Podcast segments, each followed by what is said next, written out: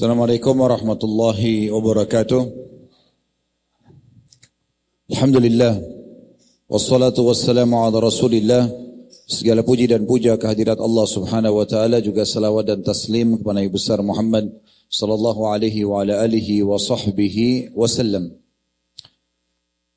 Tentu teman-teman sekalian, ini adalah salah satu rangkaian program yang kita sudah janjikan ke jamaah akan ada taklim di kota Mekah sebagaimana kemarin taklim juga di Madinah. Ada peraturan Saudi, pemerintah Saudi, kita tidak bisa mengadakan pengajian di hotel kita. Nah, kita mengadakan tempat di luar hotel. Namun di sini masih masuk wilayah haram, masih masuk wilayah haram. Pendapat umumnya ulama mengatakan wilayah haram atau masjid di wilayah haram itu masih mendapatkan 100 ribu pahala insya Allah. Jadi kita akan sholat nanti duhur dan asar di jamak takhir ya. Setelah taklim kita ada makan siang baru kita sholat nanti insya Allah. Baik, rangkaian pengajian kita pada hari ini dan ini pengajian kita yang terakhir dalam perjalanan kita ini. Karena saya insya Allah besok pagi sudah jalan lebih dulu dari Bapak Ibu sekalian. Untuk kali ini saya tidak ikut pulang ke Indonesia karena ada undangan dari teman-teman kita dari eh, Abu Dhabi dan Dubai untuk taklim di sana sampai tanggal 18 insya Allah. Hari Sabtu baru kemudian saya balik ke Jakarta. Jadi mungkin untuk Bapak Ibu yang sudah terbang bersama kami dengan Garuda, kali ini saya tidak bisa ikut pulang. Tapi insya Allah kita akan sampai ke acara kita yang terakhir yaitu hari ini. Dengan taklim insya Allah kita akan uh, tutup pengajian kita atau pertemuan kita yang ada di itinerary tentunya ya. Dan semoga Allah subhanahu wa ta'ala mudahkan, sebagaimana Allah mudahkan kita berangkat, juga Allah mudahkan pulang dengan selamat, dan juga membawa pahala yang sempurna, dan juga semua dosa-dosanya dimaafkan insya Allah. Baik, kalau di Madinah kemarin, tema kita adalah masih ada waktu. Maka kali ini kita akan bahas tentang indahnya berbagi. Teman-teman sekalian, ada satu perbuatan dalam Islam, perbuatan ini akan sangat besar pahalanya, balasannya, baik di dunia maupun di akhirat. Juga sangat cepat dalam memberikan solusi dari masalah-masalah yang sedang dihadapi. Penyakit kronis yang tidak sembuh-sembuh, permasalahan rumah tangga yang tidak selesai, atau apa saja permasalahan hidup, juga sangat tepat kalau ingin dijadikan sebagai alat untuk supaya selamat di akhirat. Masuk ke dalam surga selamat dari api neraka. Dia adalah sedekah. Mungkin Bapak Ibu bilang, oh bahasan tentang sedekah kami sudah tahu. Permasalahannya, banyak orang yang belum mengetahui sebenarnya seperti apa orang itu harus bersedekah supaya dia mencapai target yang diinginkan. Bapak Ibu sekalian, sedekah itu kata Imam Nawawi rahimahullah dalam salah satu statement beliau disebut dengan istilah sedekah karena ia merupakan sebuah bukti atas kepercayaan pelakunya. Kebenaran keimanannya, baik lahir maupun batin, dan sedekah itu adalah keyakinan dan kebenaran iman. Artinya, tidak akan dianggap itu adalah sebuah sedekah yang mencapai target yang kita inginkan, kecuali memang diikuti dengan keyakinan kalau itu perintah Allah, dan keikhlasan untuk mendapatkan balasannya. Itu pondasi dasar. Jadi kalau ada orang memberi secara terpaksa, ada orang misalnya memberi tapi masih berharap pujian manusia, tidak ada manfaatnya. Dan apa yang akan kita sebutkan nanti dari manifestasi sedekah tidak akan didapatkan oleh dia. Di awal pembukaan saya ingin sampaikan, dan ini sering kami sampaikan dalam pengajian-pengajian kami, kapitalis, orang-orang kapitalis selalu mengatakan menabung pangkal kaya. Kita umat Islam mengatakan sedekah pangkal kaya. Kira-kira pertanyaan saya Bapak Ibu sekalian, ketemu nggak antara dua konsep ini? Yang satu mengatakan simpan, yang satu mengatakan keluarkan. Kira-kira ketemu nggak? Hah? Mana suaranya nih? Sudah lapar apa? Tenang, habis ini ada banyak nasi unta. Cuma nggak bisa bungkus ya. Tidak bisa ketemu. Karena nabung berarti dia akan pelit. Sementara Islam menyuruh kita sedekah keluarin. Selalu royal. Dermawan. Dan bahkan dalam Islam beda derajatnya antara orang yang bersedekah karena kebetulan dimintai dengan bersedekah orang yang sengaja keluar mencari sumber-sumber sedekah itu dan dia berikan. Pahalanya lebih besar yang kedua. Jadi kita disuruh keluar cari mana kantong-kantong sedekah itu.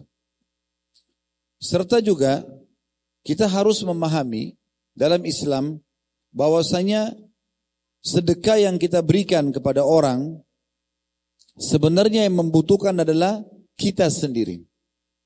Jangan pernah ada persepsi Bapak Ibu sekalian, kalau saya memberikan bantuan atau sedekah kepada orang, berarti dia yang butuh. Persepsi ini harus diperbaikin. Yang butuh adalah kita sebagai pemberi. Karena kalau tanpa dia, kita nggak dapat pintu sedekah.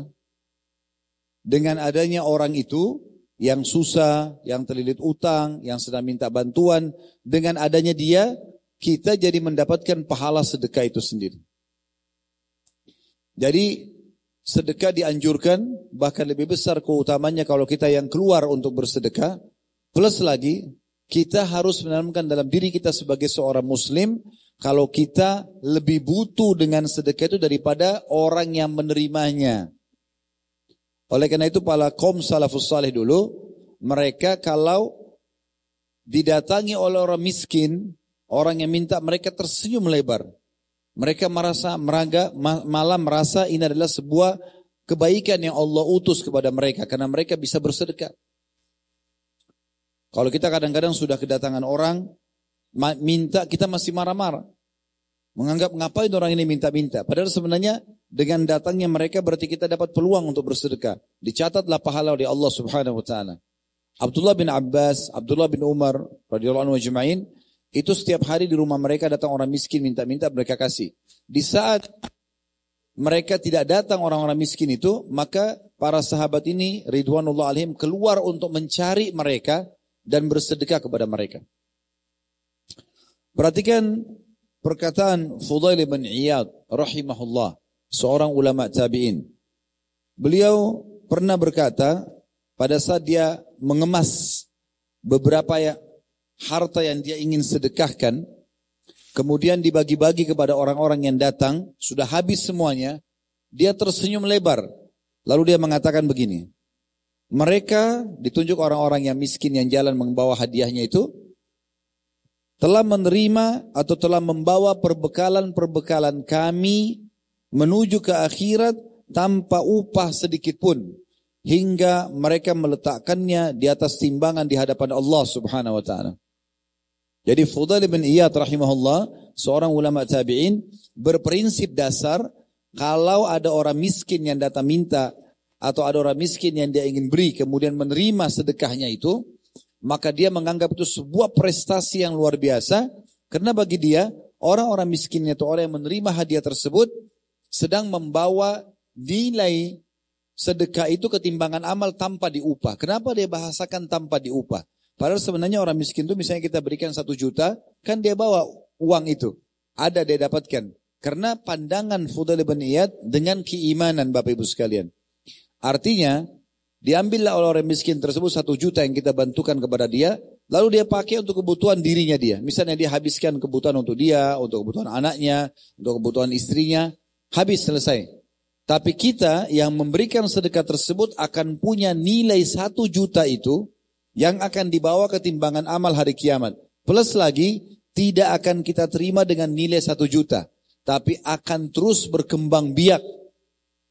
Dengan sangat luar biasa. Dalam sebuah hadis yang disebutkan oleh Al-Mundri dalam kitab Targhib Tarhib beliau, kebetulan bukunya ada saya bawa. Disebutkan beberapa riwayat, kata Nabi SAW, sungguhnya seseorang dari kalian kalau mengeluarkan sedekah, maka akan diterima oleh Allah dan Allah akan tumbuh besarkan, kembang biakkan sedekah tersebut sampai membesar seperti gunung Uhud. Sepotong roti, sepotong kurma, itu sudah cukup untuk membuat dia membesar nanti di timbangan amal seperti gunung Uhud. Kata Nabi SAW, seperti seseorang di antara kalian pada saat dia membesarkan dan mengembang biakan anak unta atau anak kudanya. Jadi tidak ada hitung-hitungan sama Allah Bapak Ibu sekalian. Kita kasih satu, dapat balasan satu sama Allah tidak ada itu. Kita kasih satu, dibalas banyak. Kita minta satu, Allah kasih banyak. Allah nggak pernah perhitungan dengan hamba-hambanya. Makanya Allah jelaskan dalam firman-Nya, Inna Allah yarzuku man yasha'u bighairi hisab. Allah kalau berikan balasan hambanya tidak akan pernah ada hitungannya. Nah ini pondasi-pondasi dasarnya. Oleh karena itu saya sarankan Bapak Ibu berhenti untuk membelikan celengan buat anak-anaknya. Karena membelikan celengan buat mereka menanamkan sifat bakhil. Sifat pelit buat mereka. Kapan anda kasih ini nak ya, tabung ya. Mulai hari itu sifat pelit dia tertanam.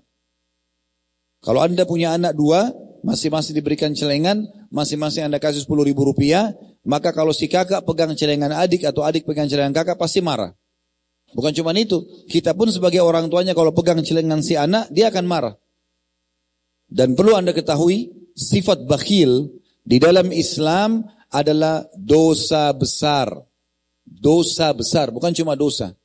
Anda bakhil, pelit, itu dosa besar. Imam Az-Zabi rahimahullah masukkan dalam buku beliau kitab Al-Kabair, Al-Bakhil atau pelit adalah dosa besar.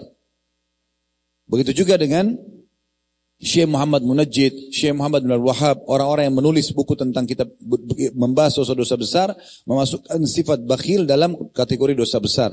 Karena ada banyak sabda-sabda Nabi SAW yang yang menghardik itu. Di antaranya beliau mengatakan penyakit jiwa apa yang mengalahkan sifat bakhil. Juga dalam akhir, kalau tidak salah, akhir surah Muhammad ya, Sallallahu Alaihi Wasallam itu dijelaskan tentang ancaman bagi orang-orang yang bakhil. Dan cukup banyak tentunya eh, ancaman-ancaman dalam Islam berhubungan dengan masalah ini. Jadi yang benar kalau Bapak Ibu kasih uang jajan sekolah buat anaknya, nah nanti kalau istirahat, ya traktir teman kamu ya, belikan dia. Ada temannya, ada teman yang tidak mampu, sampaikan ke ayah ya, sampaikan ke ibu ya. Mungkin ada yang baju sekolahnya, ya, cuman satu, mungkin ada yang sepatunya robek temannya, biarin dia ceritakan lalu kita bantu. Biasakan kalau lihat orang miskin di pinggir jalan, Anda ajarkan anak-anak untuk terbiasa memberikan sedekah. Saya pernah praktekin ini, hampir setiap jalan di jalanan bersama anak-anak di Jakarta, Masya Allah, mereka ingatkan, abadi itu, abadi itu kayak ayah ya saya dipanggil abad. Itu ada orang miskin. Masuk ke masjid saya ajak dari kecil mereka, masih dua tahun, tiga tahun, masih kecil. Mereka biasanya saya pegangin uang, masuk di celengan masjid. Jadi mereka sudah tertanam di benaknya, kalau ada kotak amal membantu. Itu yang harus kita tanamkan. Jangan suruh nabung. Pernah nggak berpikir Bapak Ibu sekalian atau sudah ketahui Waktu Abu Bakar radhiyallahu anhu meninggal dunia, Utsman bin Affan, Abdurrahman bin Auf, Talha bin Ubaidillah dan ini saya singgung pada saat kita jalan melihat hotel wakafnya Utsman bin Affan. Harta mereka pada saat mereka meninggal, meninggalkan harta nilainya ratusan miliar kalau sekarang. Istri dapat sekian puluh miliar, anak-anaknya dapat sekian puluh miliar masing-masing. Luar biasa. Pertanyaannya, apakah itu hasil tabungan mereka semasa hidup mereka? Jawabannya tidak. Sama sekali tidak. Yang terkumpul di gudang-gudang harta mereka kalau Anda kembali ke buku-buku sejarah adalah beberapa hari dari hasil pendapatan mereka sebelum mereka meninggal dunia. Karena rutinnya bersedekah, maka gudang harta mereka tidak pernah habis. Tidak pernah habis. Jadi persepsi ini harus diperbaikin nih. Kalau kapitalis, saya punya uang 100 juta, saya keluarin 10 juta, sisa 90 itu hitungan kapitalis. Islam tidak begitu. Keluarin 10 juta, akan datang gantinya berlipat-lipat ganda. Coba perhatikan firman Allah SWT dalam surah Saba. Surah nomor 34 ayat 39. Potongan ayatnya. Wa ma'anfaktum min syai'in fahuwa yukhlifu. Apa pun yang kalian infakkan di jalan Allah, maka Allah akan gantikan. Allah akan gantikan. Al-Layth ibn Sa'ad rahimahullah seorang tabi'in yang lain berkata, Barang siapa yang telah mengambil dariku sebuah hadiah atau suatu sedekah. maka hak dirinya atas diriku adalah lebih besar daripada hak diriku atas dirinya. Karena dia telah menerima apa yang aku korbankan untuk Allah. Perhatikan mereka memahami bagaimana. Kalau seandainya bahasa, tadi kan letter-letternya ya, kalau bahasa penjelasannya, kata Al-Laythi bin Sa'ad rahimahullah, kalau ada orang yang terima sedekahku, maka dia lebih berhak terhadap diriku daripada aku terhadap dirinya. Maksudnya lebih pantas aku hormatin, lebih pantas aku muliakan. Kenapa? Karena orang yang menerima sedekahku telah menerima apa yang aku korbankan untuk Allah. Tanpa mereka kita nggak bisa dapat pahala sedekah itu. Kenapa ada orang teman-teman kalau orang miskin datang masih ditolak? Kenapa ada orang kalau orang miskin lewat di merah tidak mau buka jendelanya ataupun buka jendela dikasih duit dengan dua jarinya jepit uang kecil. Karena dia berpikir orang ini butuh pada dia. Ini keliru. Ini yang salah. Anda harus tanamkan kalau Anda butuh, lebih butuh dari sedekah daripada orang tersebut. Ini poinnya. Ali bin Abi Thalib mengingatkan kepada kita dalam statement kalau ada orang yang titipkan harta dan masya Allah Bapak Ibu sudah di sini Allah sudah titipkan amanah harta itu. Bagaimana kita harus bermuamalah dengan harta kita? Kata beliau, barang siapa yang diberikan suatu harta oleh Allah, maka hendaknya ia menyambung kekerabatan Ingat kerabat-kerabat kita, silaturahim dengan mereka, bantu yang susah di antara mereka. Kemudian memperindah jamuan untuk tamunya. Kalau ada tamu, kasih makanan yang terbaik, minuman yang terbaik, layani dengan baik. Sampai sebagian salaf juga mengatakan, aku menyiapkan makanan kesukaan sepuluh orang sahabatku, lebih aku cintai daripada semalam suntuk aku sholat malam. Karena memberi makan pahalanya besar. Lalu beliau mengatakan menolong seseorang yang membutuhkan. Itu hak dari harta kita. Jadi jangan malah setelah punya uang kita nggak mau bantu orang. Ini gambaran Islam tentang orang pemilik harta yang dimiliki oleh seseorang. Kemudian membebaskan tawanan, membantu orang yang terputus jalan, orang-orang fakir miskin, para mujahidin, dan tadi itu berbagi sama orang. Dan ingat, ini bahasa Ali radhiyallahu anhu. Dan dia bersabar dengan musibah yang menimpa hartanya. Apa maknanya? Tidak ada orang teman-teman sekalian punya harta kemudian tidak punya masalah di hartanya. Pasti ada masalah. Ada orang utang nggak bayar, investasi mungkin rugi, itu biasa. Itu ujiannya. Harus sabar. Nggak semuanya mulus-mulus begitu saja. Gitu kan. Berapa banyak orang yang utang sama kita nggak mau bayar. Berapa banyak kita investasikan harta, ditipu, pergi orangnya. Atau usahanya bangkrut. Lalu beliau mengatakan, semua itu karena perkara-perkara tadi yang tersebut akan memperoleh kemuliaan dunia dan akhirat. Perhatikan teman-teman statement yang lain dari para ulama berhubungan dengan masalah sedekah. Dan kita sudah berikan judul indahnya berbagi supaya kita selalu ingin mau berbagi. Enggak perhitungan lagi. Ingat pondasi-pondasi dasarnya tadi ya. Sedekah perintah Allah subhanahu wa ta'ala. Persepsinya harus kita tanamkan. Kita lebih butuh dengan sedekah tersebut daripada daripada penerimanya. Ya. Umar radhiyallahu anhu mengatakan begini tentang sedekah. Sesungguhnya amal-amal itu berbangga satu sama yang lain. Dan sedekah akan berkata, Akulah yang paling baik di antara kalian. Abdul Aziz bin Umair rahimahullah berkata, Salat itu akan menyampaikan dirimu ke setengah perjalanan hidupmu. Puasa itu akan menyampaikan kamu ke depan pintu istana sang raja. Allah subhanahu wa ta'ala. Sedangkan sedekah akan menyampaikan dirimu ke hadapan sang raja itu. Sholat perjalanan. Puasa akan membawa kita sampai ke pintu gerbang istana raja. Sedekah yang membawa ke depan raja itu. Allah subhanahu wa ta'ala. Ibnu Abil Ja'ad berkata rahimahullah. Sesungguhnya sedekah itu benar-benar menghilangkan 70 pintu keburukan.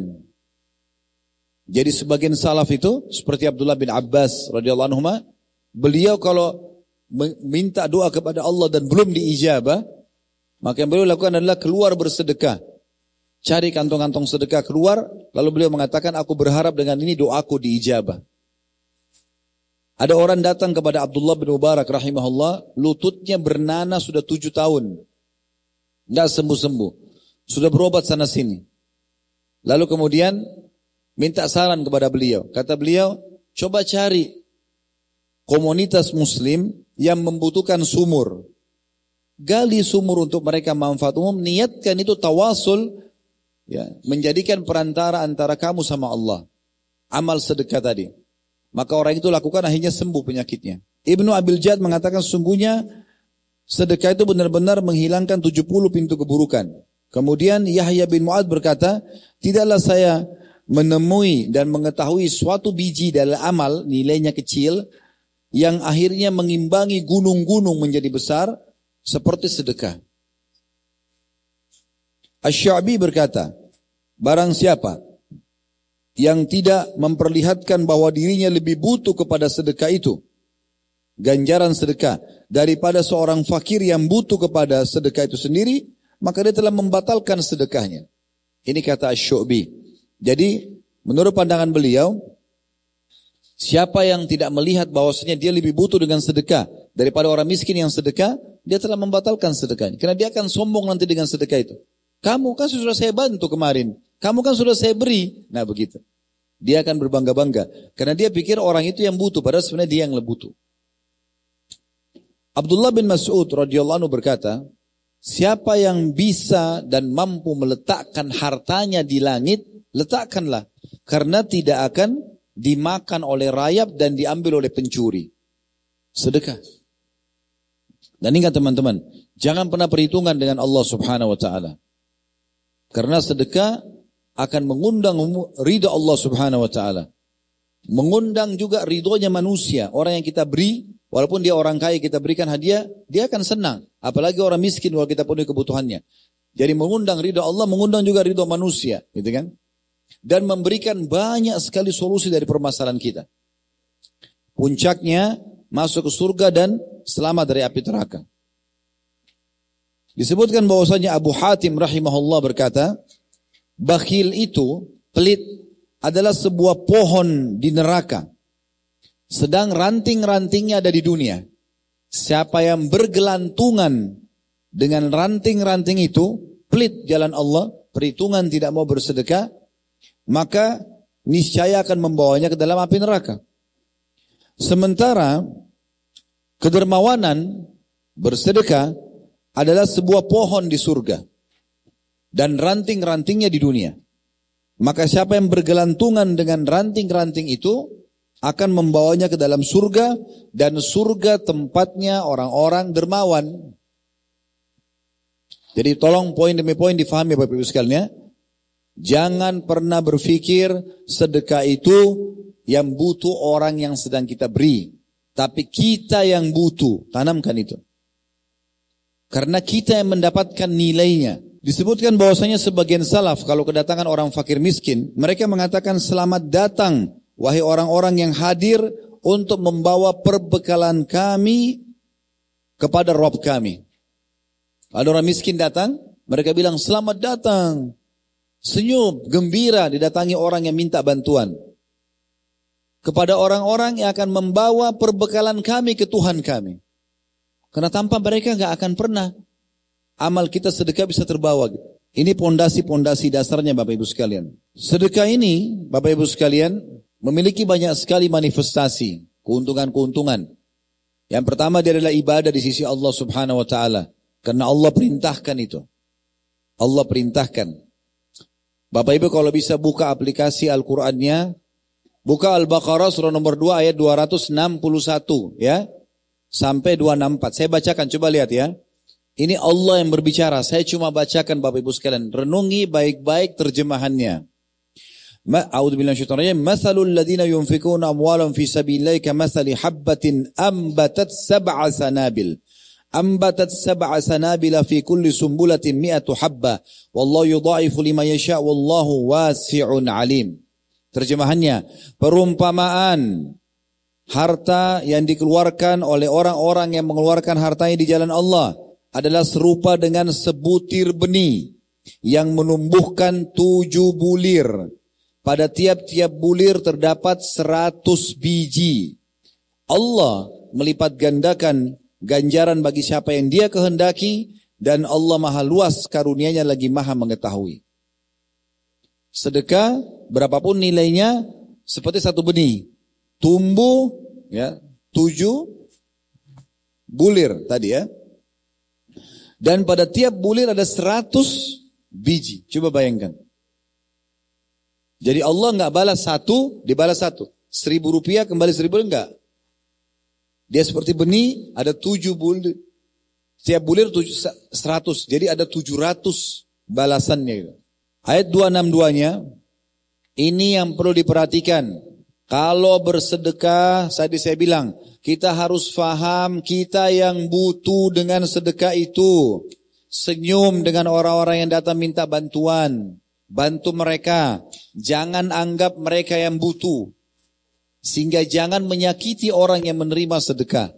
Tadi sudah kita sebutkan beberapa statement ulama. Sekarang dengarkan firman Allah. Supaya Bapak Ibu dapat pahala sedekahnya. 262-nya. Alladzina yunfikuna amwalum fi sabilillahi thumma la yutbi'una ma anfaqu manna wala adan lahum ajrum inda rabbihim wala khawfun alaihim wala hum yahzanun. Orang-orang yang menafkahkan bersedekah harta mereka jalan Allah kemudian mereka tidak mengiringi apa yang dinafkahkan itu dengan menyebut-nyebut pemberiannya kamu kan sudah saya bantu kamu sudah begini dan begitu ya dan dengan tidak menyakiti perasaan si penerima. Kamu nggak tahu diri apalah gitu kan. Dua syaratnya. Jangan sebut-sebut jangan sakiti perasaan si penerima. Caranya kita harus tahu kita yang butuh dengan sedekah itu. Mereka orang-orang yang tidak menyebut-jemput dan juga tidak menyakiti perasaan si penerima, memperoleh pahala di sisi Tuhan mereka, tidak ada kekhawatiran terhadap mereka dan tidak pula mereka bersedih hati. Di sini ada pengecualian, Bapak Ibu sekalian, kalau Anda niat untuk menyampaikan supaya dia mengetahui dan menyadari saja, bukan niat untuk meremehkan orang. Contoh misalnya orang tua pada anak. Anda sebagai ayah sahabat ibu, Anda mengatakan misalnya di saat anak Anda tidak mau dengar, nak kenapa harus begini? Bukankah ayah dan ibu sudah sekolahkan, sudah besarkan, sudah siapkan fasilitas? Itu kan menyebut kebaikan ya. Tapi ini nggak masuk di dalamnya, karena orang tua punya hak untuk menyampaikan pada anaknya. Gitu kan? Tapi ini di saat dibutuhkan ya. Di saat anak itu memang tidak bersyukur, tidak berterima kasih sama Allah, sama orang tuanya, dia malah ugal-ugalan, kita ingatkan begitu. Begitu juga dengan suami pada istrinya. Dia sudah berikan uang nafkah, kalau dia mengatakan, kalau istri minta uang lalu dia mengatakan, kan sudah saya kasih kemarin. Misal, kemarin kan baru saya kasih sekian, kenapa kok minta lagi misal. Dia kan tujuannya untuk cross check, kenapa? Bukan tujuannya untuk menyakiti perasaan ya. Beda kalau dibalik kasusnya. Sebenarnya tidak ada apa-apa istri nanti mengatakan, kau kan sudah saya kasih, masa nggak terima kasih sih? Tanpa ada sebab. Kalau istrinya memang nusyud, membangkang, menyalahgunakan uang yang sudah diberikan, lalu kemudian dia ingatkan itu berbeda. Begitu juga dengan pemerintah kepada masyarakat. Pemerintah sudah buatkan fasilitas umum, jembatan, jalan, bangunan. Tolong ya, masyarakat Indonesia jaga ini ya, sebagai amanah. Kan itu perbuatan dia sudah kerjakan. Tapi dia sebutkan supaya masyarakat menjaga bersama-sama. Itu beda, ya. Jadi di sini lebih kepada orang yang individual yang antum bantu, kita bantu lalu kita mengatakan, ya kamu kan sudah saya bantu tanpa sebab. Hanya untuk menyakiti perasaan mereka ini tidak boleh.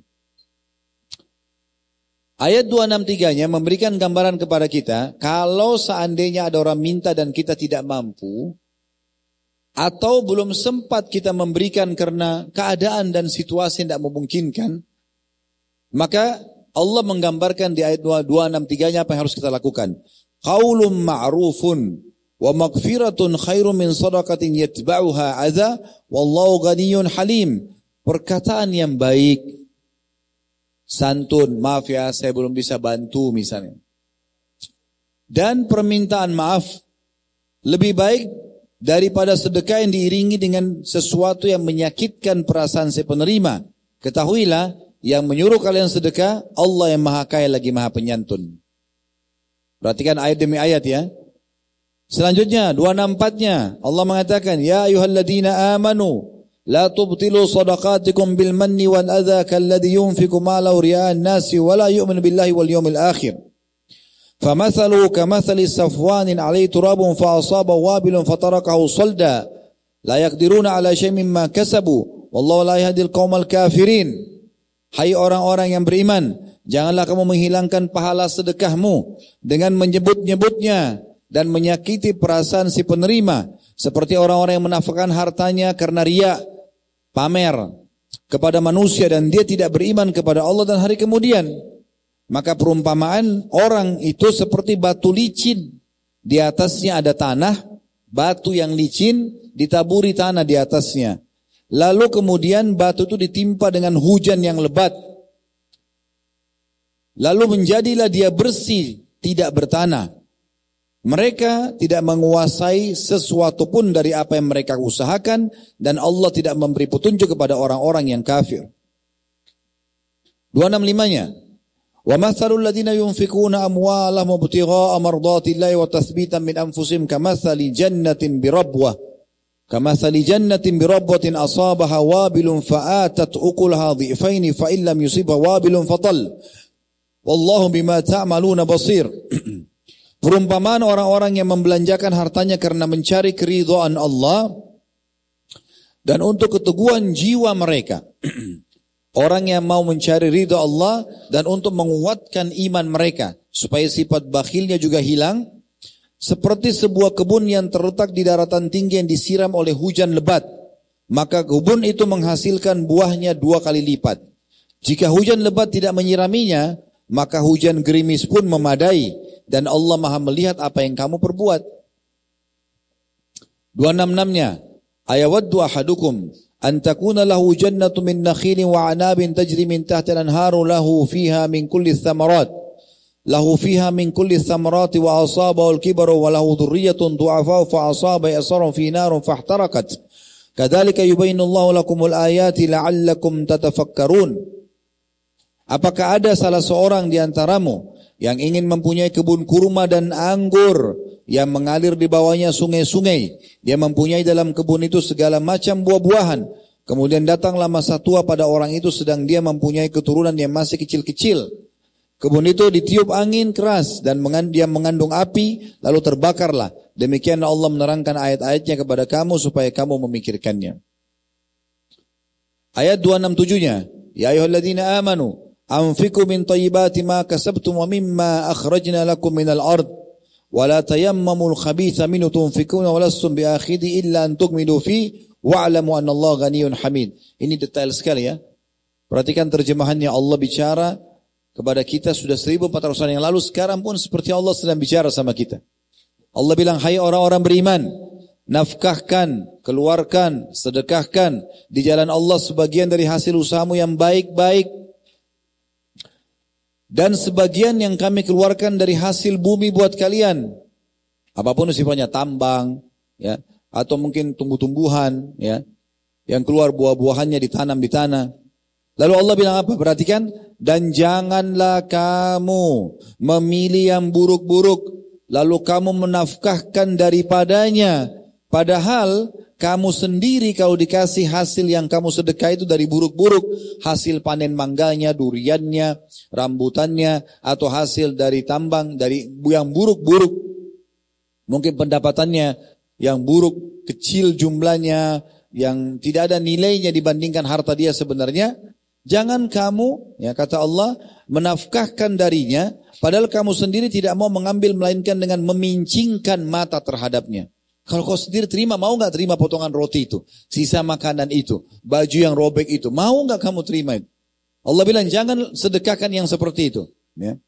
Dan ketahuilah bahwa Allah yang perintahkan kalian sedekah maha kaya, lagi maha terpuji. Nantinya Allah akan balas itu nanti Allah ganti karena Allah itu maha kaya dan terpuji maksudnya Allah akan memberikan yang terbaik. 268 ayatnya selanjutnya. Asyaitonu ya'idukumul faqr. Ini Allah gambarkan sumber permasalahan orang pelit. Sumber permasalahan orang tidak mau melaksanakan ibadah kepada Allah. Asy-syaitanu ya'idukumul faqra wa ya'murukum bil fahsya. Wallahu ya'idukum magfiratan minhu wa fadla. Wallahu wasi'un alim. Syaitan menjanjikan atau menakut-nakuti kamu dengan kemiskinan. Jangan keluarkan, nanti kamu makan apa? Nanti kamu begini dan begitu. Di, di, diancam-ancam, ditakut-takuti oleh syaitan. Kalau sedekah nanti jadi miskin. Dan menyuruh kamu berbuat kejahatan. Lihat terjemahannya. Fahsya di sini kejahatan, kekejian adalah bakhil. Pelit. Kikir. Sedang Allah menjanjikan dengan sedekah itu untuk ampunan darinya dan karunia, balasan, rezeki. Dan Allah maha luas karunianya lagi maha mengetahui. Ya Allah kalau balas itu luar biasa. 269-nya Allah gambarkan kalau orang memahami seperti apa yang tadi kita sampaikan Bapak Ibu sekalian, Allah mengatakan yu'til hikmata may yasha wa may yu'tal hikmata faqad utiya khairan katsira wa ma yadhakkaru illa ulul albab. Allah menganugerahkan al-hikmah atau kepahaman dan yang dalam tentang Al-Quran dan Sunnah kepada siapa yang dikehendakinya. Memahami ayat-ayat ini, memahami hadis Nabi SAW, kemudian dia mengamalkan tentang sedekah itu, Allah berikan kepada siapa yang dikehendakinya. Dan barang siapa yang dianugerahi hikmah, faham tentang perintah Allah ini, dan tidak takut untuk bersedekah, maka dia telah diberikan karunia yang sangat banyak, dan hanya orang-orang berakallah yang dapat mengambil pelajaran dari firman Allah ini. Ini terjemahan saya baca letterlet ya. Perhatikan. 270-nya. Wa ma anfaqtum min nafaqatin aw nadartum min nadrin fa innallaha ya'lamu wa ma lidh-dhalimin min ansar. Apa saja yang kamu nafkahkan, sedekahkan dan apa saja yang kamu nazarkan, niatkan, maka sungguhnya Allah mengetahuinya. Orang-orang yang berbuat zalim, maksudnya tidak mau sedekah, tidak mau menjalankan nazar, ya. Tidak ada seorang penolong pun baginya. Dua, dua tujuh satunya. In tubdu sadaqati fa ni'immahi wa in tukhfuha wa tu'tuha al-fuqara fa huwa khairun lakum wa yukaffiru ankum min sayyiatikum. Allah bima ta'maluna khabir. Jika kamu menampakkan sedekahmu, maka itu adalah baik sekali. Jika kamu menyembunyikannya dan kamu berikan kepada orang-orang fakir, maka menyembunyikannya itu lebih baik bagimu. Dan Allah akan menghapuskan dari kamu sebagian kesalahan-kesalahanmu dan Allah mengetahui apa yang kamu kerjakan. Boleh enggak sedekah terang-terangan? Boleh. Tinggal jaga kontrol niatnya kan? Sekarang kita lagi di pinggir jalan orang miskin minta. Masa kita tunda? Ah saya kalau kasih nanti ria. Enggak jangan. Boleh kasih terang-terangan. Yang penting kontrol niat kita. Tapi kalau sudah terlanjur ada yang kita kasih diam-diam, transfer tanpa ada orang tahu, ya rahasiakan. Allah mengatakan Allah Maha tahu apa yang kalian kerjakan. Dua tujuh duanya, Laisa 'alaika hudahum walakin Allah yahdi man yasha wa ma tunfiqu min khairin fali anfusikum wa ma tunfiquna illa ibtigha'a wajhillah wa ma tunfiqu min khairin yuwaffa ilaikum wa antum la tudlamun. Bukanlah kewajibanmu hai Muhammad menjadikan mereka mendapat petunjuk. Saya sekarang pun sebagai dai penyambung lidah Nabi sallallahu alaihi wasallam tidak bisa menjadi penyebab petunjuk, tidak bisa saya paksakan Bapak Ibu untuk terima ini. Sedekah saya cuma sampaikan. Yang mau terima amalkan alhamdulillah. Yang tidak mau amalkan tidak mungkin kita paksakan. Allah bilang juga kepada Nabi Muhammad SAW ya dan diikuti oleh para dai-dai dan ulama untuk menyampaikan ini bukan kewajiban menjadikan mereka mendapat petunjuk, tetapi Allah lah yang memberi petunjuk atau memberi taufik kepada siapa yang dikehendakinya. Ini semua masih ayat sedekah ya. Jadi Allah sedang menyinggung sedekah. Kalau ada orang faham apa yang kami sampaikan, lalu dia termotivasi mau sedekah itu petunjuk dari Allah. Dan dikatakan dan apa saja harta yang baik yang kamu nafkahkan di Allah maka pahalanya itu untuk kamu sendiri. Pahalanya balasannya hanya untuk kamu sendiri dan janganlah kamu membelanjakan sesuatu melainkan karena mencari keridhaan Allah, bukan karena riya, cari agar Allah balas. Dan apa saja harta yang baik yang kamu nafkahkan niscaya kamu akan diberi pahala yang dengan pahalanya dengan cukup sedang kamu sedikit pun tidak akan dianiaya. 273-nya. Lil fuqara'i alladziina uhsiru fi sabilillahi la yastati'una darban fil ardi yahsabuhumul jahilu agniya min at-ta'affuf.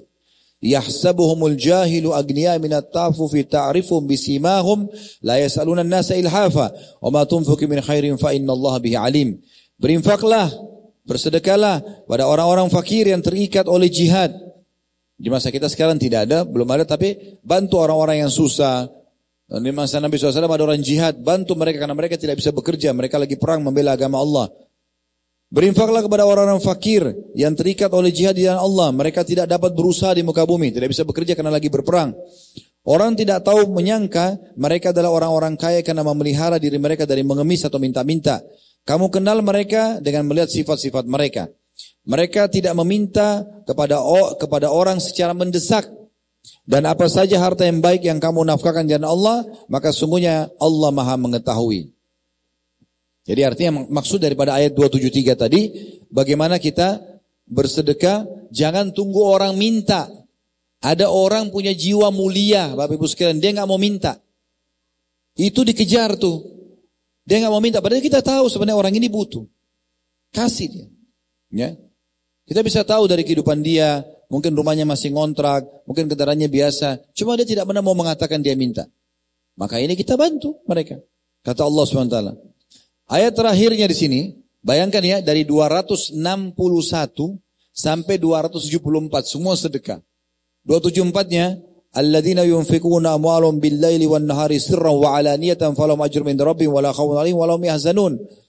Orang-orang yang menafkahkan hartanya di malam dan di siang hari.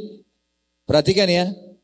Maksudnya malam hari semalam suntuk, siang hari dari pagi sampai malam lagi. Sepanjang hari bersedekah. Orang-orang yang menafkahkan hartanya di malam dan siang hari secara sembunyi-sembunyi dan terang-terangan. Maka mereka mendapat pahala di sisi Tuhan mereka, tidak ada kekhawatiran terhadap mereka dan tidak pula mereka bersedih hati. Ada kan sebagian orang, Bapak Ibu pernah lihat, rasa nggak kita pas lewat di satu masjid dekat rumah kita. Biasanya kena butuh bantuan taruh kotak amal pinggir jalan. Pernah lihat ya? Baik, sekarang kita lewat nih pagi hari pergi kantor. Kita jumbang 100 ribu rupiah, 50 ribu rupiah, 10 ribu rupiah.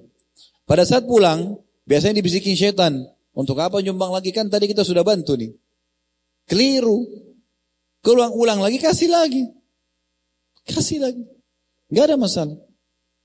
Karena belum tentu kita punya peluang lainnya. Ada orang yang rutin minta bantuan bulanan sama kita. Bantu saja. Selama kita mampu.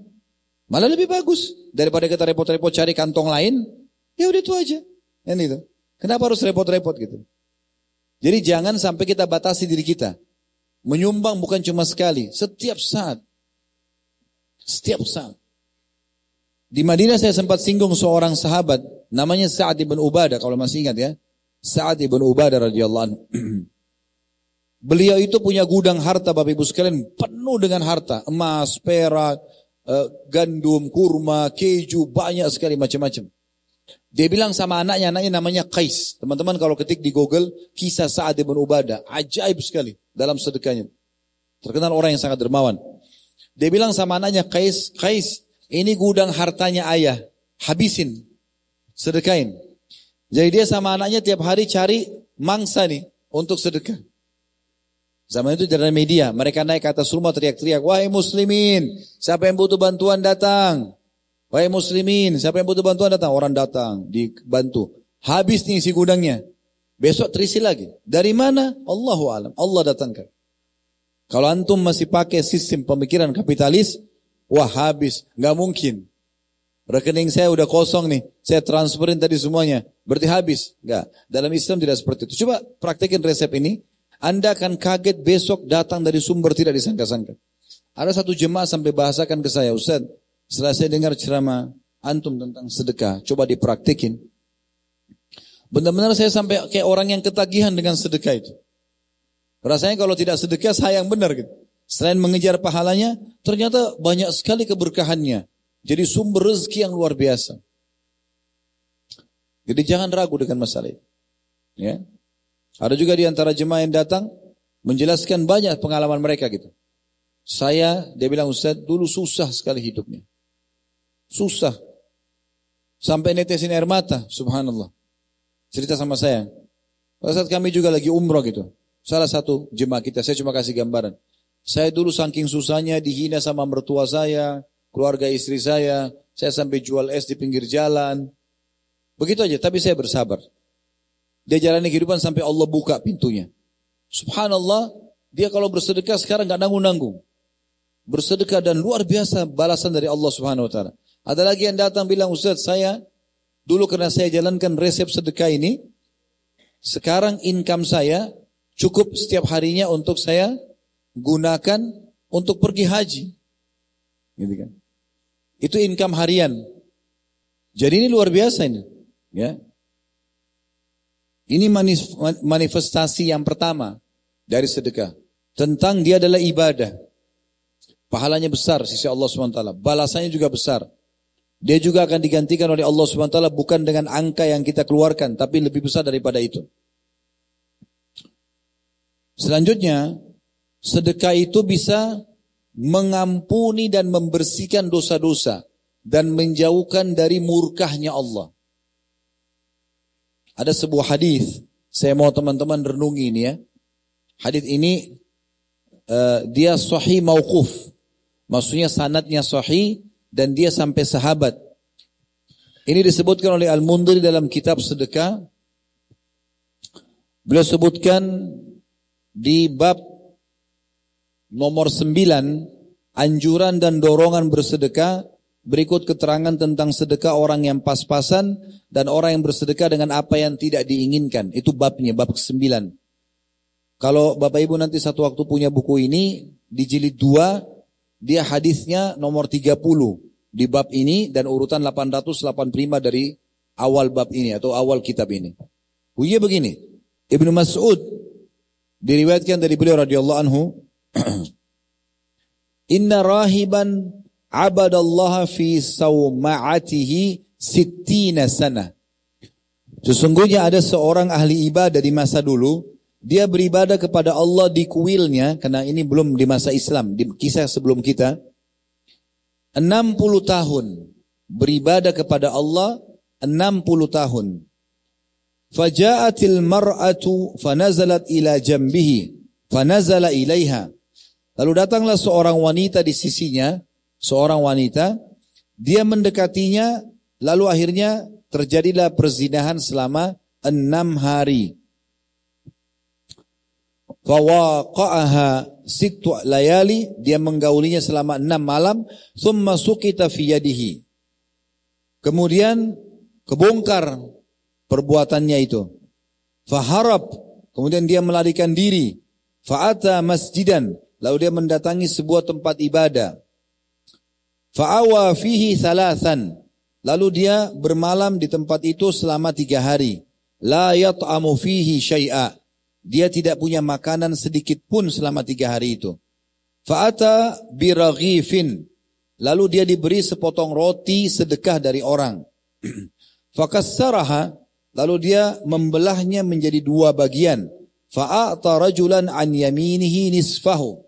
Lalu dia memberikan kepada seseorang laki-laki di sebelah kanannya. Wa'ata akhara an yasari nisfahu. Lalu dia berikan lagi setengahnya kepada orang yang di sebelah kirinya. Jadi dia dapat roti, sudah tiga hari dia nggak makan, roti itu dibagi dua, dikasih seorang sebelah kanan sebelah kiri. Dia sendiri tidak punya. Faba'athallahu malakal maut faqabada faqabada ruha. Lalu Allah utus kepadanya malaikat maut, lalu dicabutlah ruhnya dia. Fawudi'atis sittuna fi kiffah, lalu ditaruhlah ibadahnya dia yang 60 tahun tadi di timbangan wa wudiatis fi kiffatin farajahat. Lalu ditaruhlah zina enam harinya di timbangan sebelahnya. Maka zinanya enam hari mengalahkan ibadahnya enam puluh tahun. Thumma wudi'ar ragifu kemudian ditaruh tambahan di timbangan amalnya roti tadi yang dia bagi dua padahal dia lapar tiga hari dia niat sedekahkan roti tersebut dibagi dua di timbangan amal solehnya farajaha yakni rajahar ragifus sit. Maka roti tadi yang dia sedekahkan bagi dua kepada fakir miskin mengalahkan zinanya yang enam hari. Itu luar biasa ya. Padahal cuma sepotong roti. Cuma memang yang perlu difahami bapak ibu sekalian perhatikan baik-baik ya. Orang ini sudah tiga hari nggak makan. Dia pas mendapatkan sedekah itu, ya roti itu, dalam kondisi tidak ada lagi makanan dia, tidak ada lagi harta dia kecuali itu. Dan dia bersedekah dengan seluruh harta itu. Pernah nggak teman-teman kita lagi lapar, terus dihidangkan makan, ada orang miskin minta. Kita kasih yang kita ingin itu. Ini maksimal. Ujiannya di situ. Atau kalau mau lebih sedikit di bawahnya itu, Bapak Ibu kalau mampir di satu restoran, makan misalnya. Anggap restoran apalah yang Anda masuk di Indonesia misalnya, Anda beli makanan di situ. Anda cocok misalnya, anggaplah 100 ribu porsinya misal. Makan nasi, ayam, tempe, apalah makan. Enak Anda rasa. Pernah nggak Anda lakukan beli porsi yang sama yang kita makan, kasih ke tukang parkirnya. Kasih ke orang miskin. Bukan bekasnya ya, porsi yang sama. Pernah nggak kita lakukan teman-teman beli baju yang bagus, baju yang sama, kualitas yang sama, harga yang sama, sedekahin. Nah seperti itu. Itu akan sangat maksimal. ya Karena kita bersedekah dengan yang terbaik yang kita miliki. Disebutkan juga dalam sebuah riwayat, kita akan bicara tentang masalah sedekah itu akan membersihkan dosa-dosa. Ya. Mengeluarkan orang dari permasalahan hidupnya. Disebutkan dalam sebuah hadis Kata Nabi Shallallahu Alaihi Wasallam, hadis ini diriwayatkan oleh Imam Muslim dengan sanad sahih. As-sadaqatu tudfi'ul kama yudfi'ul ma'un nar. Sedekah itu akan membersihkan dosa-dosa sebagaimana air akan memadamkan api. Sedekah itu akan menghilangkan dosa-dosa sebagaimana api memadam air memadamkan api. Juga disebutkan dalam sebuah riwayat yang lain kata Nabi sallallahu alaihi wasallam sana'ul ma'ruf taqi masari as-su wa sadaqatus sir tudfi'u ghadab ar-rabb wa silatul rahim tazidu fil umur. Perbuatan-perbuatan baik semua amal soleh akan menghindarkan diri dari pintu-pintu keburukan sedekah yang tersembunyi akan memadamkan amarah Rabb dan menyambung tali silaturahim akan menambah umur. Nanti di sini saksi bahasan kita, sedekah itu bisa meredam murkanya Allah, menjauhkan kita dari mara bahaya, membersihkan dosa-dosa kita. Dalam sebuah riwayat lain, inna sadaqata la tudfi'u ghadab rabb wa tadfa'u su. Sesungguhnya sedekah itu akan menjauhkan kita dari murka Allah, hukuman Allah dan juga menjauhkan dari mati yang buruk. Su'ul khatimah. Dinukil sebuah kisah terjadi di Saudi sini. Ada orang menceritakan tentang dan dalam buku yang pernah kami bedah keajaiban sedekah dan itu ada pernah tablik akbarnya. Anda bisa lihat di playlist YouTube kami insya Allah. Diceritakan bahwasanya dia berdua sama temannya lagi naik mobil, tapi beda mobil. Janjian menuju ke satu tempat. Dia cerita tentang dirinya. Teman saya jalan duluan, saya pas di sebelahnya, lihat ada satu orang miskin di pinggir jalan. Memberikan isyarat minta bantuan. saya pun berhenti sejenak, keluarkan uang di kantong saya, saya kasih ke orang itu. Kemudian saya lanjutkan perjalanan. Subhanallah, waktu saya lanjutkan perjalanan, saya temukan ada gempa terjadi di depan di pada saat itu dan ada jalanan terbelah, mobil teman saya jatuh ke lubang tersebut dan dia meninggal di tempat seketika. Saya sempat memberhentikan mobil mengerem di situ. Pada saat saya turun saya kejadian tersebut, hati saya berbicara bahwasanya saya selamat dari hukuman dari dari musibah ini justru kena sedekah kepada orang tadi. Ini yang Nabi SAW mengatakan jauh dari mati yang buruk. Jauh dari mati yang buruk. Nabi SAW bersabda, In kullu mri'in fi sadaqati hatta yufsala bainan nas. Setiap orang pasti akan dibawa naungan sedekahnya pada hari kiamat sampai manusia selesai dihakimi. Artinya dia akan terlindungi dari panasnya matahari, dari siksa Allah SWT karena sedekah. Yang terakhir mungkin yang ketiga teman-teman sekalian, manifestasi daripada sedekah itu sendiri, dia akan menjadi penyebab diterimanya hajat-hajat kita. Abu Hanifah menyebutkan dalam musannafnya, ada satu buku beliau susun tentang hadis-hadis, riwayat tentang begini, ada seorang sahabat mengatakan, Ya Rasulullah, semua orang dikasih anak kecuali saya. Saya udah sekian tahun menikah nggak punya anak. Maka bagaimana apa yang saya harus amalkan? Kata Nabi SAW, mana kamu dari dua hal yang bisa membuat kau akan diberikan rezeki itu. Maka orang itu terdiam malah kata Nabi SAW, mana kamu dari banyak mengucapkan istighfar dan banyak bersedekah. Atau riwayat, kamu banyak bersedekah dan banyak beristighfar. Jadi bisa Bapak Ibu sekalian, misalnya uh, punya hajat apa saja.